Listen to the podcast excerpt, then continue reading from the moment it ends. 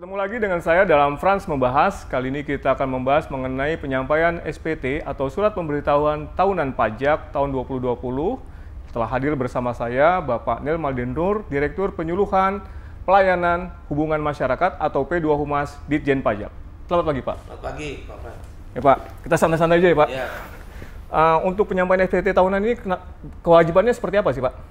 jadi eh, untuk SPT tahunan ini adalah kewajiban yang memang diamanatkan oleh undang-undang, ya, ketentuan umum perpajakan, di mana setiap wajib pajak, ya, setiap tahunnya itu wajib untuk melaporkan SPT tahunannya. Hmm. Ya ini kan sebenarnya kalau kayak misalnya kayak saya lah, kan saya sudah dipotong Pak pajaknya setiap tahun oleh kantor. Itu masih tetap harus wajib melaporkan. Nah, jadi gini Pak Frans, eh, mungkin saya bisa kasih backgroundnya sedikit ya. Eh, setiap wajib pajak ini memiliki satu kewajiban untuk melaporkan seluruh penghasilannya, kemudian dia juga menghitung, dia nanti eh, me- membayar pajak yang terutang kalau memang masih ada yang harus dibayar, kemudian dia melaporkan SPT tahunannya.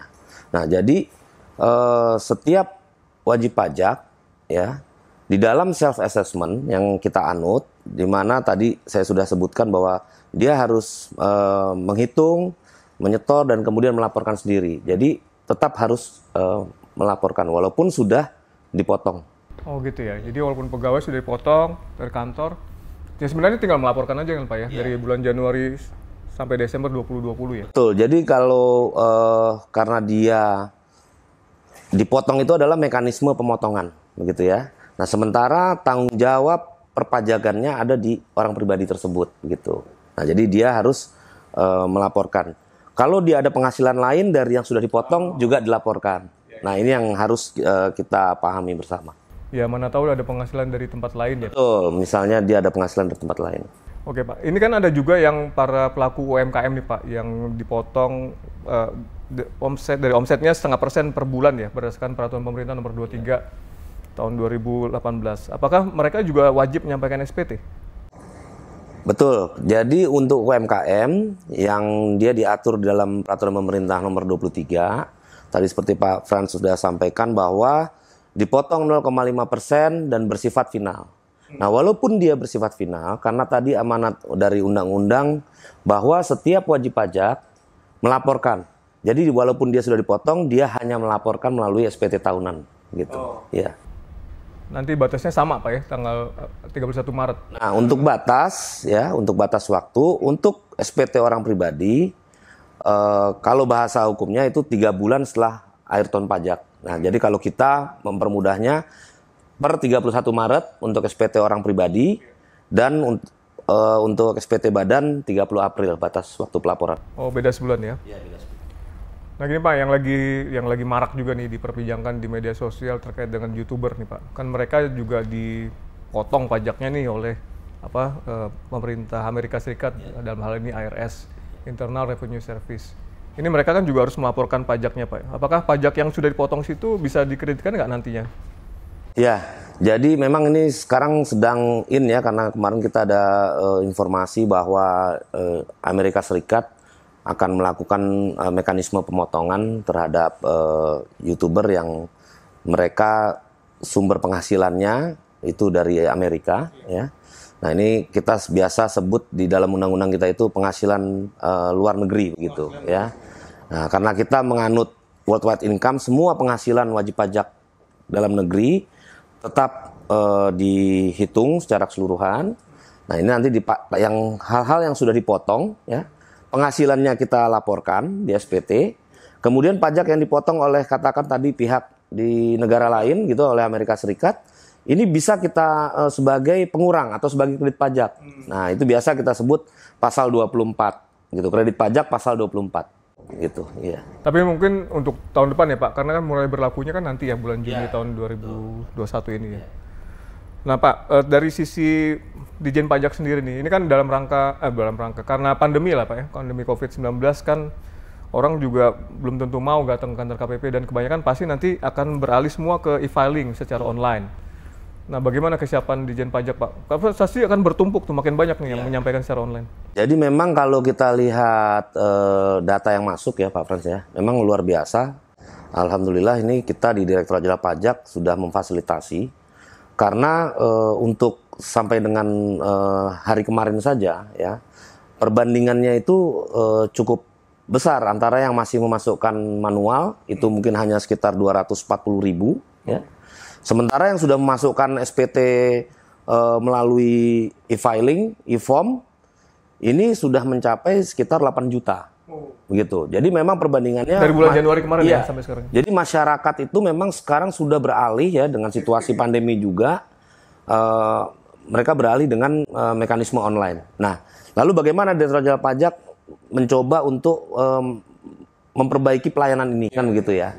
Nah, untuk tahun ini kami di uh, Direktur Jenderal Pajak menyiapkan uh, laman tertentu ya khusus jadi ada DJP online ya. Nah, ah, ya. Landing page-nya ada DJP online. Itu semua wajib pajak begitu masuk ke situ dia bisa menikmati eh, pelayanan-pelayanan uh, online termasuk SPT online tadi, ya. baik itu e-filing maupun e-form gitu. Jadi uh, kita terus uh, mengembangkan.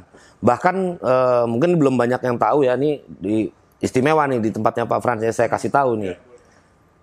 Dua hari yang lalu ya uh, teman-teman di uh, Direktorat IT sudah bisa membuat layanan untuk meminta Evin ya. ya sebagai identifikasi kalau kita mau e-filing begitu. Biasanya kalau salurannya kalau nggak ke KPP bisa melalui uh, email atau bisa melalui kering pajak begitu. Nah, sekarang ada yang lebih baru dari laman tadi, ya.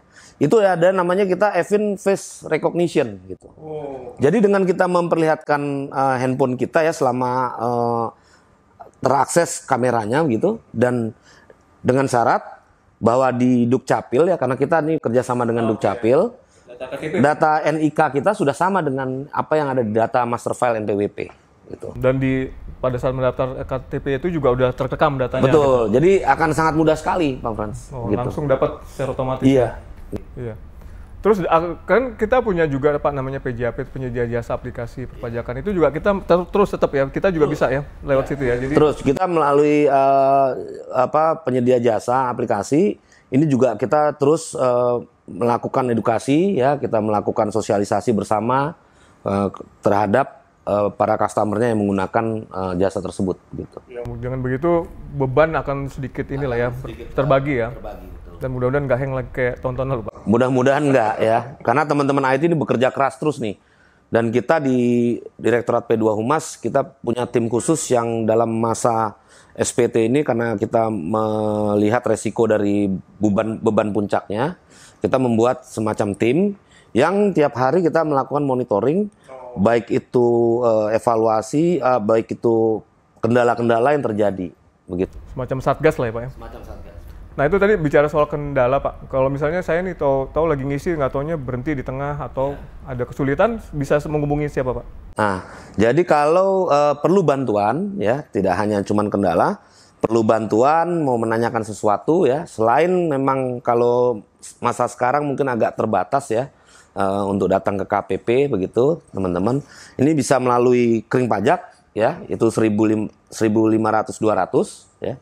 Kemudian kita juga punya yang namanya uh, live chat. Oh, Gitu ya. Melalui live chat bisa. Kemudian kita mention uh, di Twitter. Okay. Ya, Twitternya uh, pajak.go.id ya, pajak RI ya.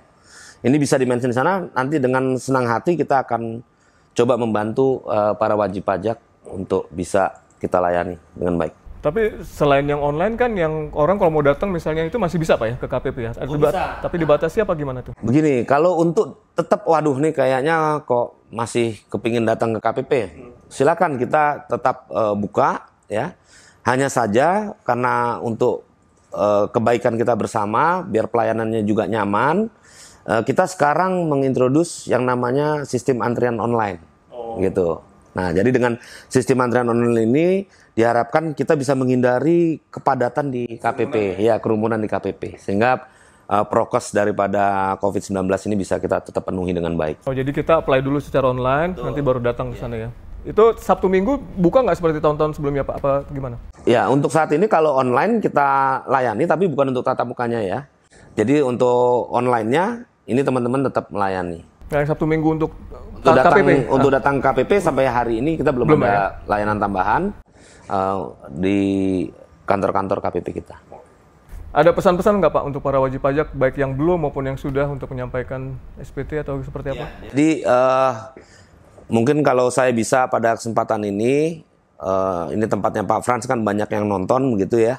Jadi uh, kepada seluruh wajib pajak ya, tentunya uh, ini waktu sudah dekat untuk kita memenuhi kewajiban perpajakan dalam hal ini pelaporan SPT tahunan ya, termasuk juga pembayaran kalau memang ada kurang bayarnya ya.